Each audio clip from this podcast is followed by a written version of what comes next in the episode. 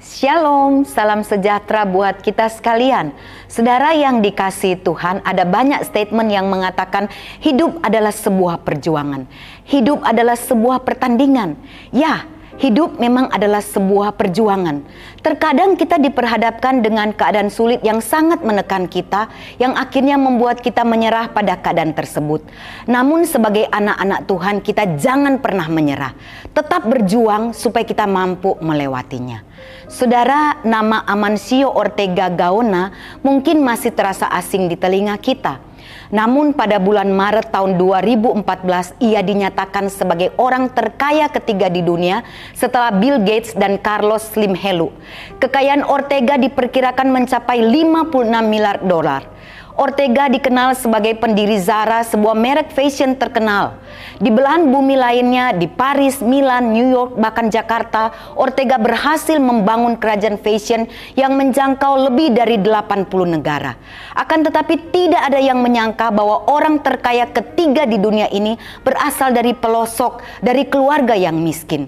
Ortega lahir di Busdongo de Arbas, sebuah dusun berpopulasi 60 orang di Spanyol pada tahun 1936 pada waktu perang saudara meletus di Spanyol. Ayahnya bekerja sebagai pekerja kereta api, sementara ibunya sebagai pembantu rumah tangga. Ketika Ortega masih kecil, keluarganya pindah ke La Coruna di sana rumahnya tidak lain adalah sebuah rumah petak yang berbatasan dengan rel kereta api yang sampai sekarang masih digunakan sebagai tempat tinggal para pekerja rel kereta api. Memasuki usia remaja, Ortega menemukan pekerjaan sebagai pelayan toko untuk pembuat baju lokal. Pada usia 16 tahun Ortega menyimpulkan bahwa uang bisa didapatkan dengan cepat ketika dia bisa memberikan kepada pelanggan apa yang mereka inginkan.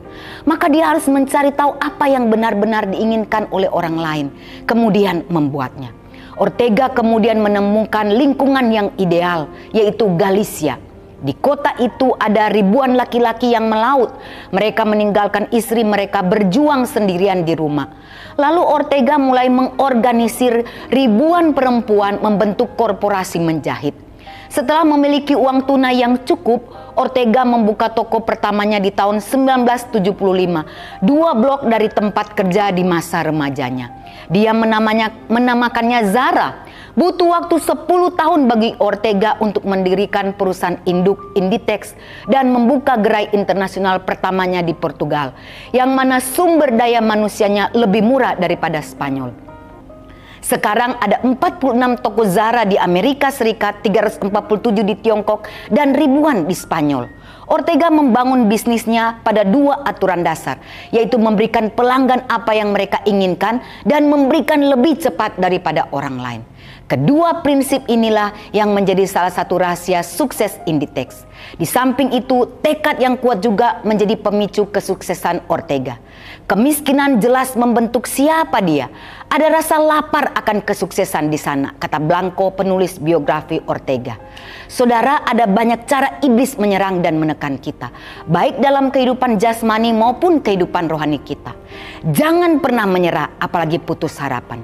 Ketika banyak menghadapi masalah dan tantangan di dalam hidup ini, kita harus menyadari bahwa semua pasti ada gunanya. Kita dapat lebih mengerti arti hidup ini dan lebih kuat dalam menjalani hidup dan tidak mudah menyerah. Firman Tuhan berkata dalam kitab 1 Raja-Raja 2 ayat 3. Lakukanlah kewajibanmu dengan setia terhadap Tuhan Allahmu. Dengan hidup menurut jalan yang ditunjukkannya. Dan dengan tetap mengikuti segala ketetapan, perintah, peraturan, dan ketentuannya. Seperti yang tertulis dalam hukum Musa. Supaya engkau beruntung dalam segala yang kau lakukan. Dan dalam segala yang kau tuju. Tugas kita sebagai orang percaya yaitu terus berjuang untuk menemukan keberhasilan. Jangan menyalahkan Tuhan dan membanding-bandingkan keberhasilan kita dengan orang lain, melainkan lanjutkanlah perjuangan kita. Sebab perjuangan dengan tidak mengenal kata menyerah adalah sebuah berkat terindah bagi diri kita. Kalau orang dunia bisa berhasil, apalagi kita anak-anak Tuhan. Kita punya Tuhan yang luar biasa, Tuhan yang pasti memberkati kita kalau kita menjalankan tugas dan tanggung jawab kita dengan benar, melakukan bagian kita sebagai anak-anak Tuhan, pasti Tuhan akan memberkati kita. Kiranya Tuhan menolong kita semua. Jangan pernah menyerah, jangan pernah berputus asa. Amin.